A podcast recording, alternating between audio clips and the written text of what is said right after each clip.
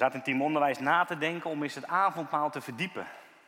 En net dacht ik, ja, soms hoe meer woorden, ja, hoe, die kan het ook minder maken of zo, zeg maar. Maar ik geloof als we vanuit het woord naar kijken, dat we juist heel veel mooi mogen ontdekken, ook over het avondmaal.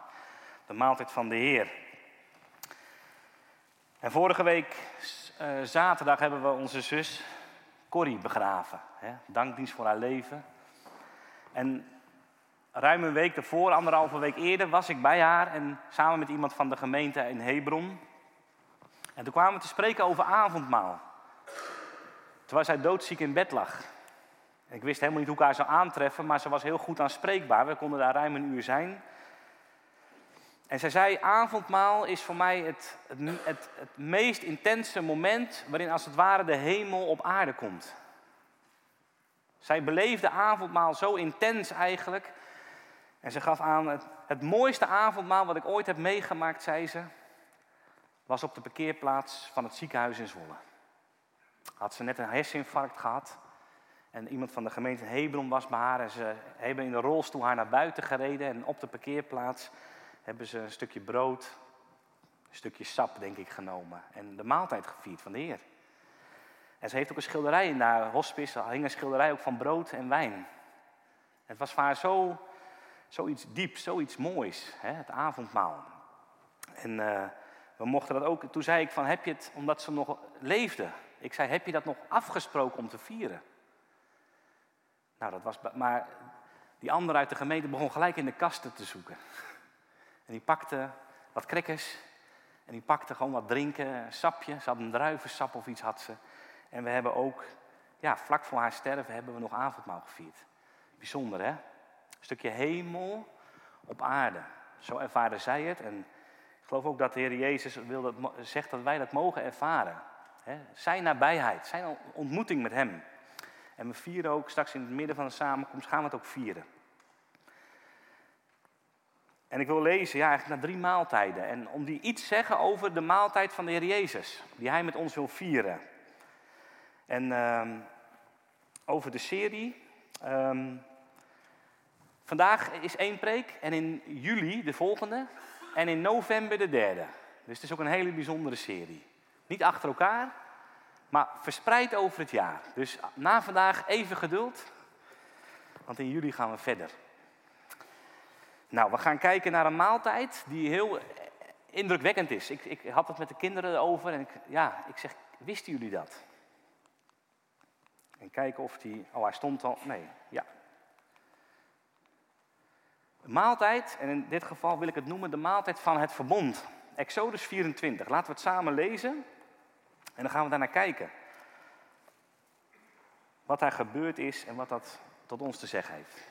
Exodus 24, en dan de versen 1 tot en met 11. Een bijzondere passage.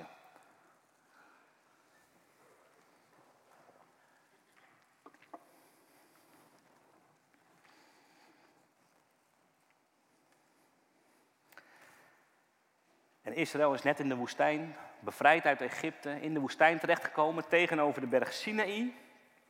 Hoofdstuk 19 en 20 geeft God ook tien woorden, de tien geboden.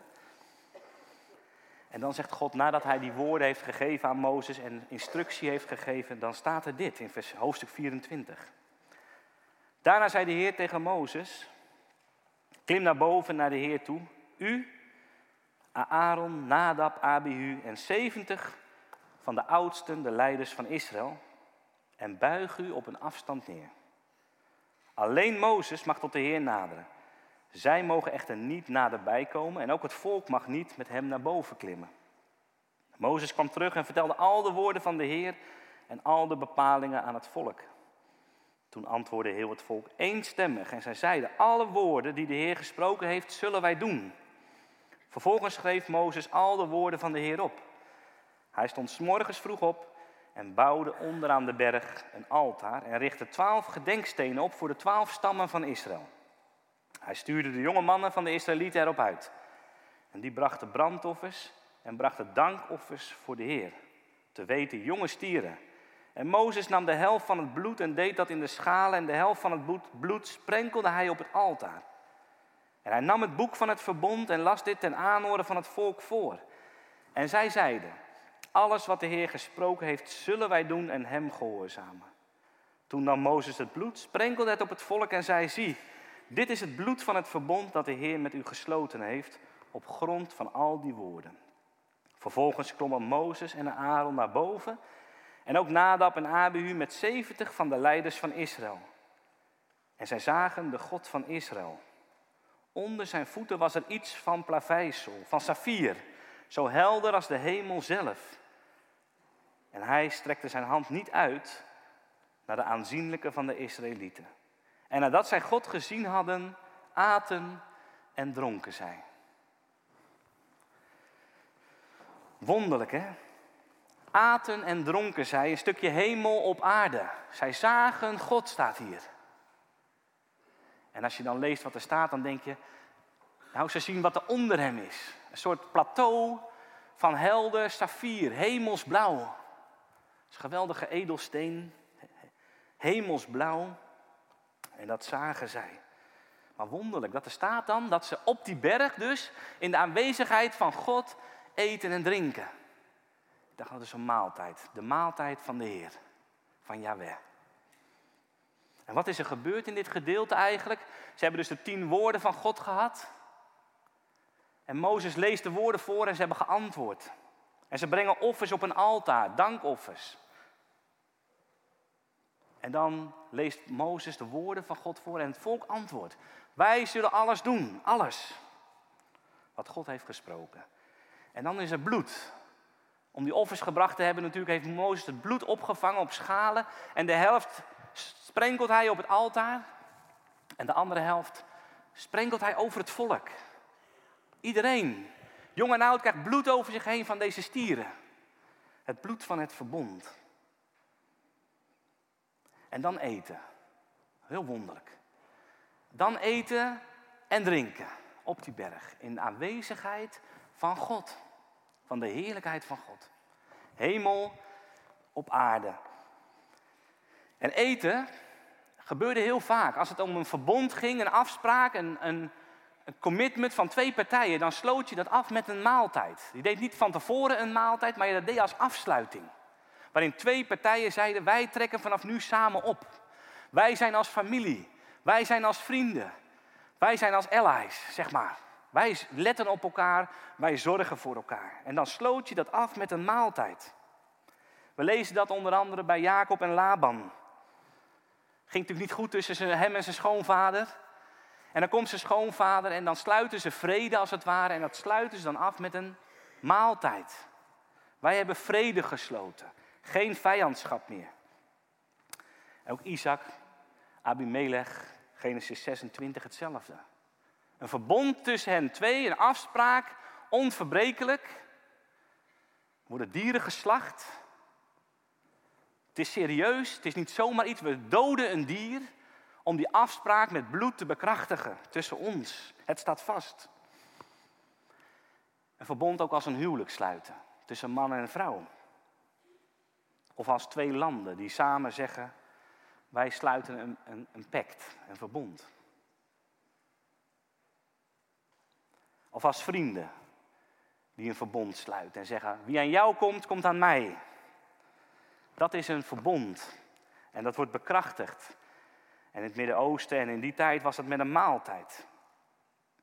Als vrienden worden. En hier sluit God een verbond met Israël. Staat er heel duidelijk. Mozes moet komen, zijn broer Aaron, de zonen van Aaron, de priesters, die later priestergeslacht zouden worden, en 70 van de leiders, de oudsten, als beeld van het hele volk. En God zegt, Israël, ik sluit met jou een verbond. Als het ware dat God zegt, wij zijn vanaf nu vrienden. Wij zijn getrouwd. Jij hoort bij mij, ik, Yahweh, hoor bij jou en jij hoort bij mij. Dat is wat hier gebeurt en wordt bezegeld met die maaltijd. En ik dacht, wat een troost ook voor vandaag voor Israël. Dat God heeft gezegd en beloofd, ik hoor bij jou. En jij hoort bij mij. Als waren het vrienden, als waren het getrouwden. Ik dacht, wat een troost. Israël minder vrienden overhoudt. Hè? Minder vrienden. Maar mag weten, God heeft een verbond gesloten. ik moest denken aan Psalm 23.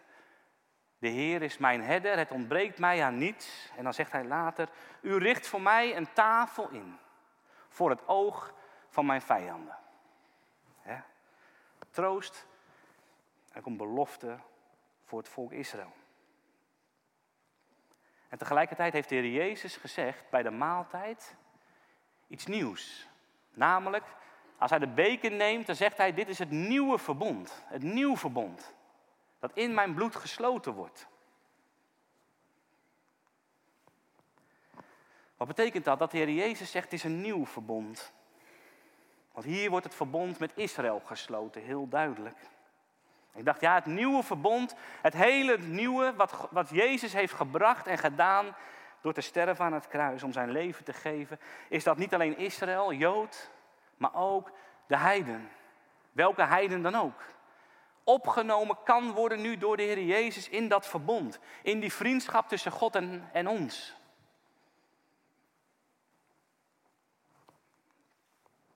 En wat zegt Paulus dan in Efeze? Hij zegt, het is een groot geheim en de Heilige Geest heeft het nu geopenbaard. En dan zegt Paulus iets wonderlijks in Efeze. Het is een prachtig gedeelte, ik lees iets meer dan hier staat in dit vers. Maar het grote geheim van het nieuwe verbond. En Paulus spreekt daar in Efeze 2 over en ook in hoofdstuk 3 eigenlijk. En dan zegt hij iets moois.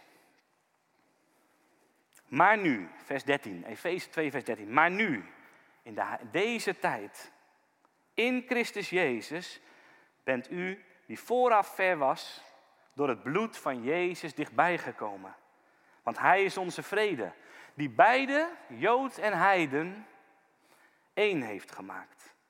En de tussenmuur die tussen hen in stond, door de wet, heeft afgebroken. In zijn vlees staat er, in zijn lichaam toen hij stierf aan het kruis. En dan zegt hij, want door hem, Heer Jezus, hebben wij door één geest de toegang tot de Vader.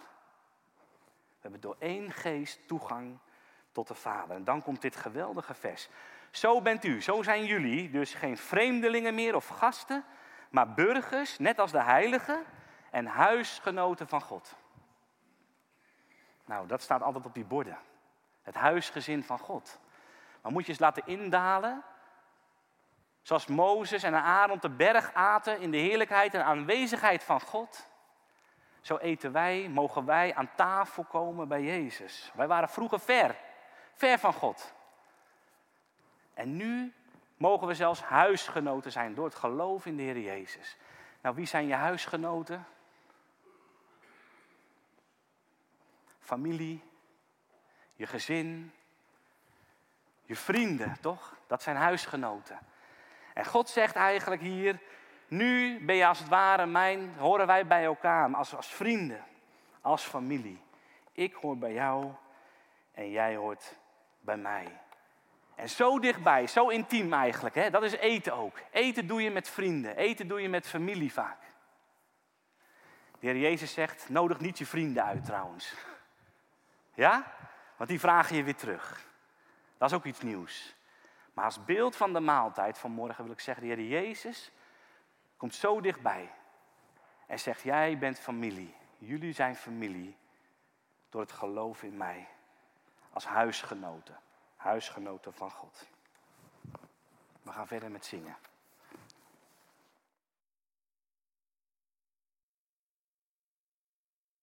Ik wil gaan naar eh, de volgende maaltijd. En dat is de maaltijd ja, die we ook altijd voorlezen uit Lucas 22. Het avondmaal, de maaltijd van de Heer, en daar zegt de Heer Jezus een aantal woorden.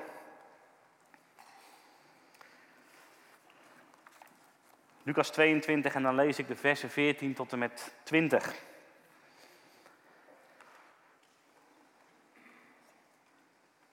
En aansluitend zullen we ook avondmaal vieren. En toen het uur gekomen was, ging Jezus aan tafel aanliggen en de twaalf apostelen met hem. En hij zei tegen hen, ik heb er vurig naar verlangd dit paascha met u te eten voordat ik ga lijden. Want ik zeg u dat ik daar zeker niet meer van zal eten totdat het vervuld is in het koninkrijk van God. En nadat hij een drinkbeker genomen had en gedankt had, zei hij: Neem deze beker en deel hem onder elkaar. Want ik zeg u dat ik niet zal drinken van de vrucht van de wijnstok, totdat het gekomen is in het koninkrijk van God. En hij nam brood en nadat hij gedankt had, brak hij het en gaf het aan hen met de woorden: Dit is mijn lichaam dat voor u gegeven wordt. Doe dit tot mijn gedachtenis. En zo nam hij ook de drinkbeker na het gebruiken van de maaltijd en zei: Deze drinkbeker is het nieuwe verbond in mijn bloed dat voor u vergoten wordt. Tot zover.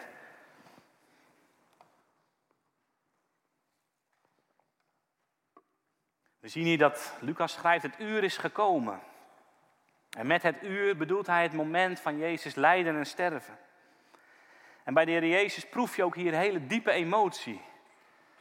Er staat hier in het Nederlands, in andere vertalingen staat het weer anders, maar vurig, ik heb er vurig naar verlangd om met zijn twaalf vrienden, waarvan één een verrader zou zijn, maar met die vrienden van hem het paas gaat te eten. Vurig naar verlangd. Het is een heel hevig, ja, we kunnen dat moeilijk vertalen misschien, maar het is een ontzettend diepe emotie hier bij de Heer Jezus. Het woord wordt ook wel vertaald met lust. Heb je zelf bijna niet in de hand, zo'n verlangen, zo'n emotie, zegt de Heer Jezus hier, heb ik om deze maaltijd met jullie te nemen. Voordat mijn lijden komt, want het uur is gekomen nu. En bijzonder dat de Heer Jezus hier zegt, het is het Pascha. Pascha waar alle Joden uit, uit de, landen eromheen, uit de wereld kwamen nu naar Jeruzalem en zijn op dat moment ook in Jeruzalem. En die middag is het lam geslacht, zoals de opdracht was met Pascha. Een lam, mannelijk, eenjarig, gaaf, zonder gebrek, werd geslacht die middag om in de avond gegeten te worden. Avondmaal, hè? net als Pascha, in de avond. Een lam dat geslacht wordt, zonder gebrek. Exodus 12 gaat daarover, de instructie die God ook geeft aan het volk. Het moest in de avond. Een waken voor de Heer staat er zo mooi. Een waken voor de Heer.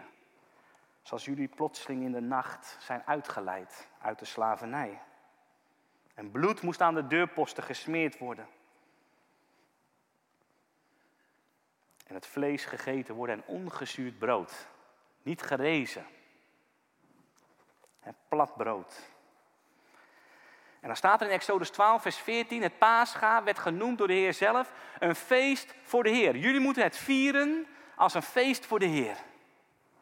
Altoos. Als een opdracht van God.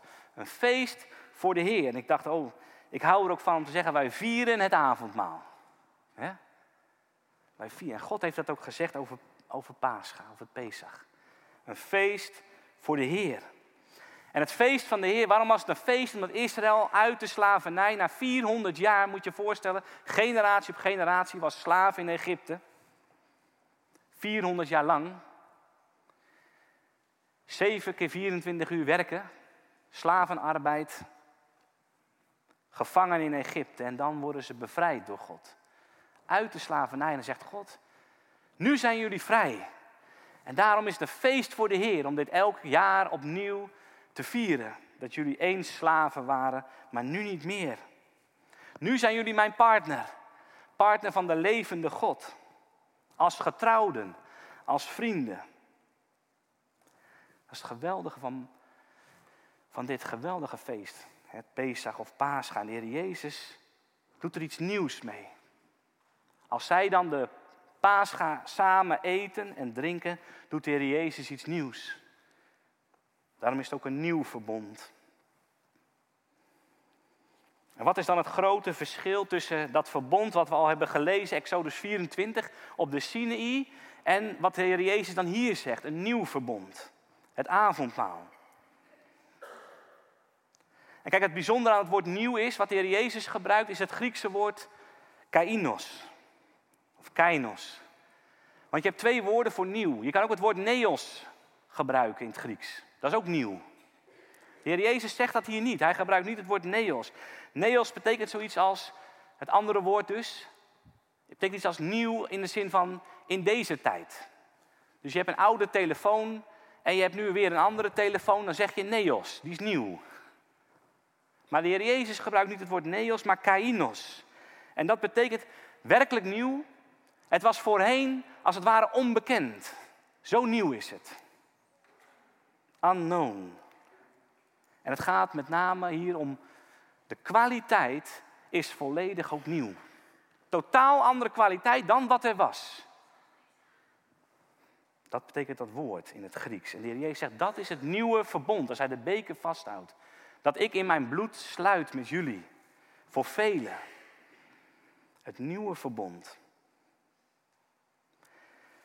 Als de Jezus het heeft over nieuwe wijn, dan is nieuw het woord neos, want het is recent, jong. En dan zegt hij, moet je doen in nieuwe wijnzakken. En dat is dan het woord kainos. Een hele nieuwe kwaliteit wijnzak. En zo spreekt de Heer Jezus over de maaltijd en over zijn, het nieuwe verbond van, van de Heer met ons. Nou, wat is dan dat totaal nieuwe? Gaan we kijken naar deze twee teksten even nog uit Exodus 24 en dan vergelijken dan met Lucas, wat de Heer Jezus zei. Want in Exodus hebben we gelezen, Mozes nam het bloed en sprenkelde het op het volk en zei, zie, dit is het bloed van het verbond dat de Heer met jullie gesloten heeft op grond van al die woorden. Dat bloed kwam van stieren. Er werden dieren geslacht, in dit geval stieren. Die werden geslacht en dat bloed werd gesprenkeld op het volk en op het altaar. En dan in één keer zegt de Heer Jezus, als hij over het nieuwe verbond spreekt, dit verbond is gesloten in of door mijn bloed. Dus wat is nou het grote wezenlijke verschil met het verbond uit Exodus en met het verbond wat de Heer Jezus sluit? Het offer. Het offer is totaal anders. En het bloed is daarmee totaal anders. bloed van dieren of het bloed van de Heer Jezus, de Zoon van God, zonder zonde, die zijn leven heeft gegeven. Een lammetje of Christus. Hè? Bloed van dieren of het bloed van de Heer Jezus. En Hebreeën zegt daarover, als het gaat om het feest van Pascha, hè, bevrijding en verlossing, moet je voorstellen wat het bloed van dieren al deed. Daarmee sloot God dus al een verbond. Laat staan het bloed van de Heer Jezus. Maar dan zegt Hebreeën, als hij over dat nieuwe ingaat, zegt hij: Het is onmogelijk dat het bloed van stieren en bokken de zonde wegneemt. Ja, er was vergeving, maar elk jaar opnieuw en steeds weer opnieuw moest je naar de tempel om een dier mee te nemen om vergeving te ontvangen. En elk jaar moest de hoge priester verzoening doen voor het volk. Elk jaar opnieuw. En Hebreeën zegt dan, ja, het is ook onmogelijk dat een bloed, het bloed van dieren de zonde wegneemt. Dat is werkelijk verlossing en bevrijding. Hè? En dan zegt Hebreeën, op grond van de wil van God zijn wij geheiligd door het offer van het lichaam van Jezus Christus. Voor eens en voor altijd. Hij heeft zijn leven gegeven, was eenmalig, voor eens en voor altijd. In plaats van telkens opnieuw moest er geslacht worden. Maar de Heer Jezus was eens en voor altijd is Hij gestorven. Voor iedereen, overal ter wereld, voor alle geslachten en generaties die zijn geweest of nog gaan komen. En dan staat er nog, dat is een prachtig gedeelte, misschien heb je het al gelezen van het weekend 9 en 10, maar er staat er met één offer heeft Hij hen die geheiligd worden. Dat is dat proces van heiliging. Het bloed van de Heer Jezus werkt in ons uit. Karakter van God, van de Heer Jezus. Het is onvoorstelbaar wat zijn bloed in ons leven kan doen. Dat is die heiliging. En dan staat er dat Hij ons tot in eeuwigheid volmaakt. Dat kan het bloed van dieren niet. Hè? Maar dat is de belofte van de Heer Jezus in zijn verbond. Het bloed van Jezus heeft kracht. En door het geloof in Hem worden wij geheiligd, maar zijn we ook tot in eeuwigheid volmaakt. Zo maakt Hij ons. Is niet geweldig bijzonder, hè? Ik kan mezelf niet volmaken. En je mag het aan Marieke vragen. Oh, daar zit ze. Ik ben niet volmaakt. Maar ik weet wel, door de kracht van de Heilige Geest, door het bloed van de Heer Jezus, is Hij bezig om Ik ben heilig, we zijn heilig gemaakt. En hij is ons aan het heiligen. En we zullen in eeuwigheid volmaakt zijn. Volmaakt zoals de Heer Jezus. Geweldig, hè? En vanmorgen was ik zo, ik was in tranen vanmorgen. Mijn zoon zag, hoe, papa, hoe huil jij dan? Hij was nog niet wakker. Als voorbeeld voor wat hier staat eigenlijk. Want dit zijn grote woorden, hè? dat hij ons heiligt en dat we volmaakt in eeuwigheid. Hè? Onvoorstelbaar, kan er niet bij eigenlijk.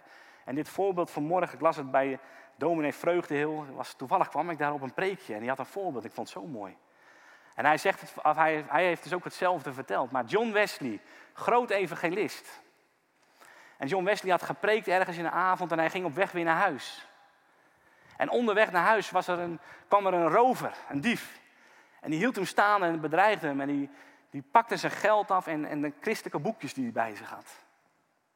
En die dief die rooft hem en die bedreigt hem en die rent weer weg. Maar voordat hij uit het zicht is, roept Wesley: Wacht nog even. Ik heb nog wat voor je. Nou, en die, die dief draait zich om en die denkt: Ik heb nog wat voor je. Hij zegt: Vriend, op een dag krijg je spijt van je leven. En vergeet dan één ding niet. Het bloed van Jezus reinigt van alle zonde. En die dief draait zich weer om en rent weg. En jaren later, als Wesley weer gepreekt heeft, komt er een vreemdeling naar hem toe. En die zegt, ik ben die man.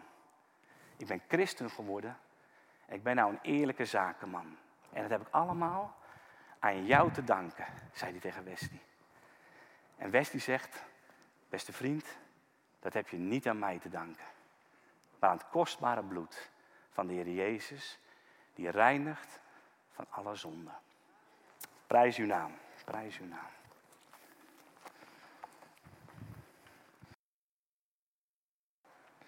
Ja, de derde maaltijd. En uh, ik noem het de maaltijd van de Heer als belofte. En we gaan straks nou inderdaad lezen uit Openbaring 19, vers 6 tot en met 9. Ook een maaltijd. En de Heer Jezus, in Lucas net wat we horen, zegt drie keer, of twee keer, excuus, twee keer. Ik zal niet meer eten. Totdat. Prachtig hè? Totdat. Het koninkrijk van God, of tot in het koninkrijk van God. En dan zegt hij ook, ik zal niet meer drinken. Totdat het koninkrijk van God gekomen is. Totdat laat zien dat er nog een belofte is. Want God is trouw. God is trouw. En het koninkrijk van God, als het vervuld is, als het gekomen is, zegt de Heer Jezus, zullen we weer maaltijd houden, zullen we weer maaltijd hebben. En daarom is de maaltijd die we vieren, je zou kunnen zeggen, kijk terug op het, op het sterven en opstanding van de Heer Jezus, maar kijkt ook vooruit als een belofte naar de maaltijd die nog gaat komen. Dus de maaltijd kijkt niet alleen terug, maar ook vooruit. En die staat in, uh, prachtig in openbaring. Openbaring 19, vers 6 tot en met 9. Laten we het samen lezen.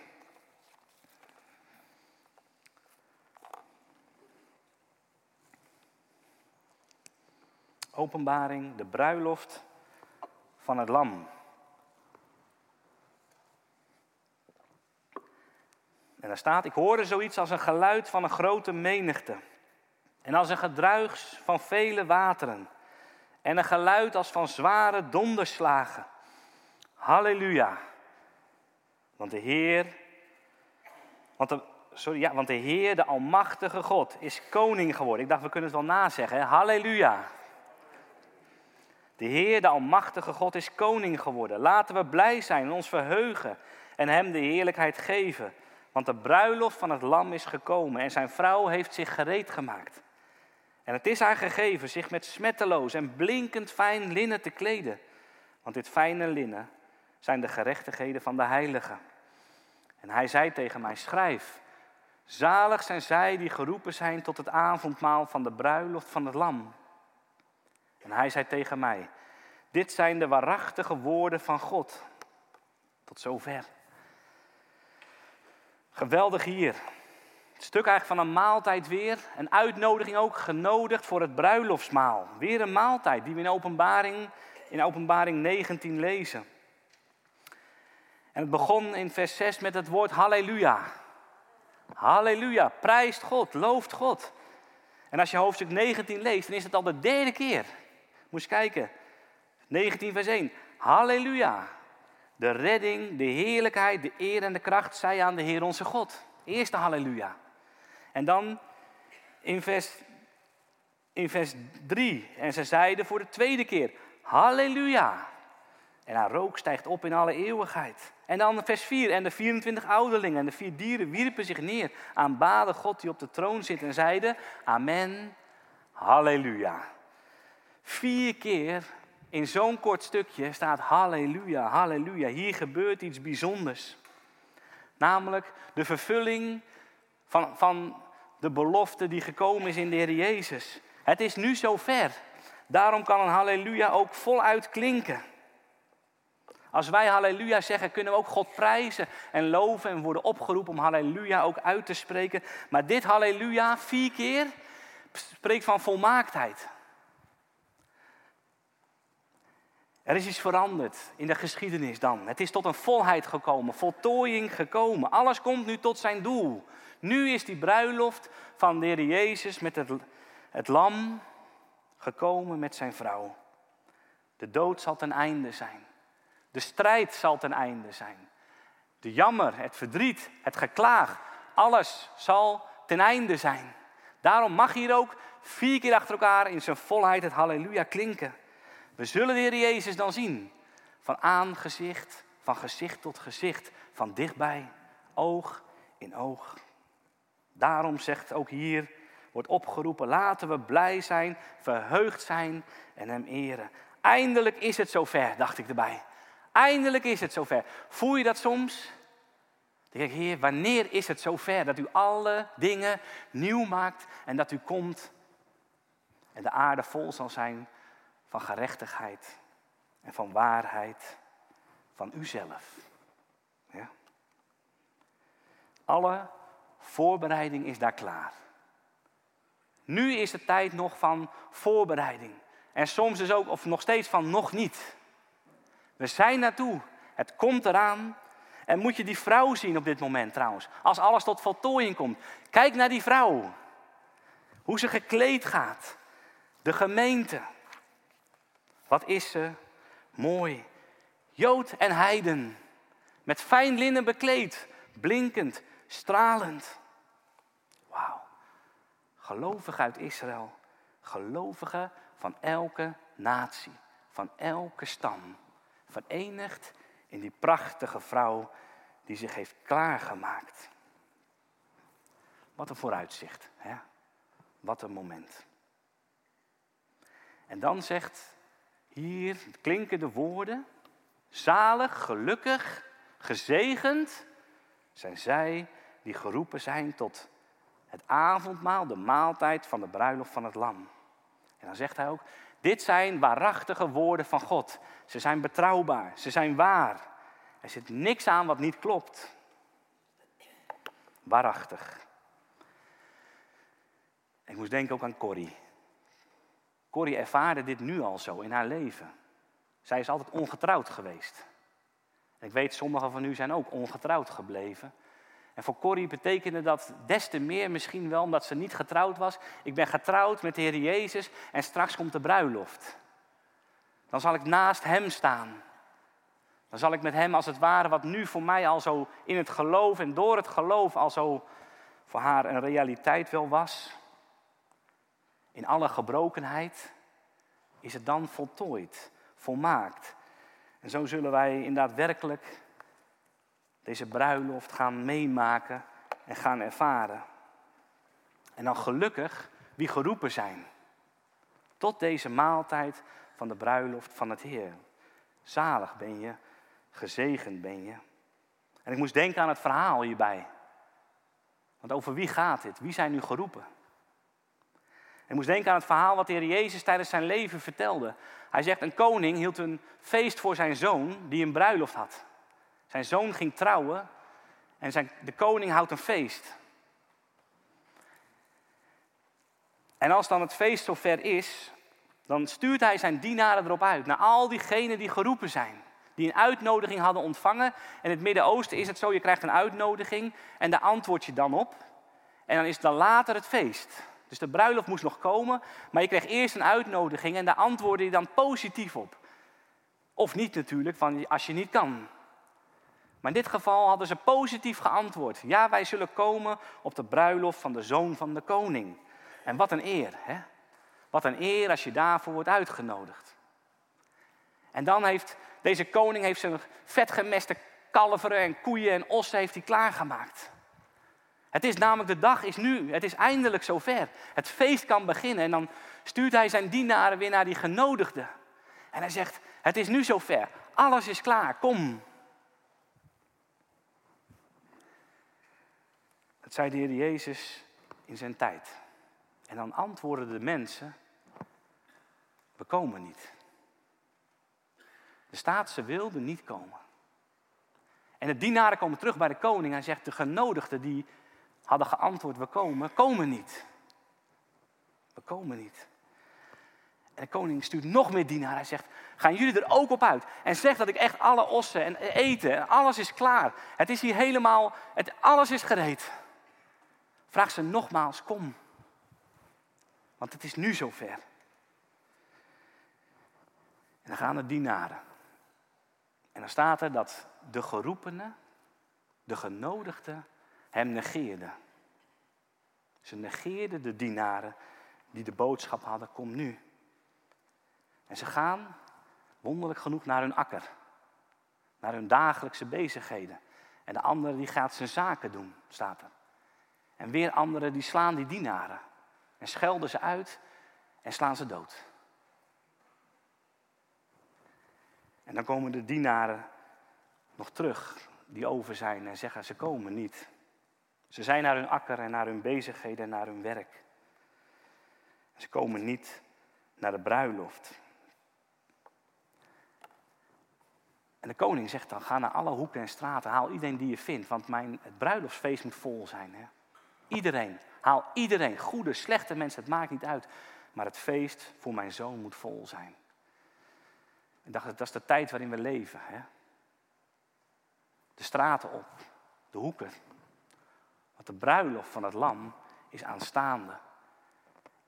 En de Heer Jezus zei zelf, velen zijn geroepen, maar slechts weinigen uitverkoren. Dat betekent, slechts weinigen zijn uiteindelijk gekomen. Hebben uiteindelijk geantwoord. En dit raakte me eigenlijk heel erg, dit verhaal, weet je wel. Want wij zijn, wij zijn geroepen. Als je hier zit vanmorgen, we zijn allemaal geroepen en uitverkoren. Door het geloof in de Heer Jezus. Maar ik denk ook, Heer, zijn we klaar? Hè? Als het dag komt, zijn we ook klaar voor U. Om het grote feest te vieren. En laten we hè, het dagelijks leven, de zorgen van het leven, kun je zomaar wegtrekken. Hè? Wegtrekken van het feest van de koning. Maar ook als je hier zit en je zegt, ben ik wel geroepen? De Heer Jezus roept. Hij roept ook vandaag. Kom, Kom, want ik wil dat je op mijn feest bent straks. Dat je bij het bruiloftsmaal bent.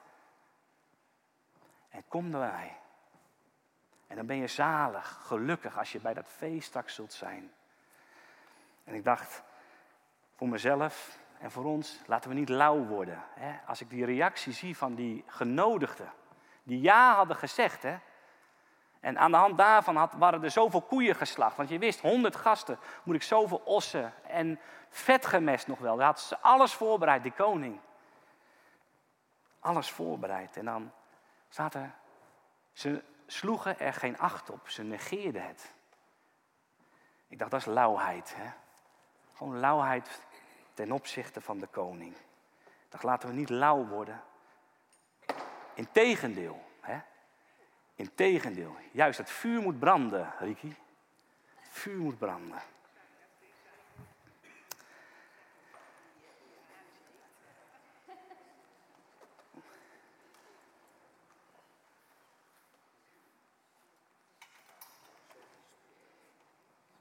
En Hebreeën zegt iets over, de, over een tekst die mij aansprak om mee af te sluiten. En dan gaan we nog, nog een paar liederen zingen. Misschien kan de band alvast naar voren komen.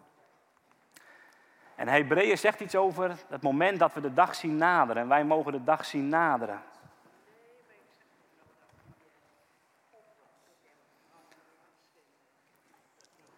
Tot de bruiloft komt. Hè? En Hebreeën zegt dan het volgende. Laten wij de beleidenis van de hoop, hè, we hebben een onvoorstelbare hoopvolle toekomst, we hebben het gezongen, onwrikbaar vasthouden. Want hij die het beloofd heeft, is getrouw. Laten we op elkaar letten door elkaar aan te vuren tot liefde en goede werken. Laten we de onderlinge samenkomst niet nalaten, zoals bij sommigen de gewoonte is, maar elkaar aansporen. En dan staat er zoiets moois, vind ik. En zoveel te meer als u de grote dag ziet naderen. En ik dacht, Heer, de grote dag komt, is komende. Maar het is niet makkelijk. Het is niet altijd makkelijk. Integendeel zelfs. Het volgen van de Heer Jezus kan, kan moeite geven en strijd. En misschien wel eenzaamheid. En hij heeft de Heer Jezus elkaar gegeven, de gemeente. En vuur elkaar aan. tot liefde, tot goede werken. Om samen te komen. Niet alleen op zondagmorgen, maar door de week. Kom bij elkaar. Bid met elkaar. Zoveel te meer. nu de grote dag aanstaande is.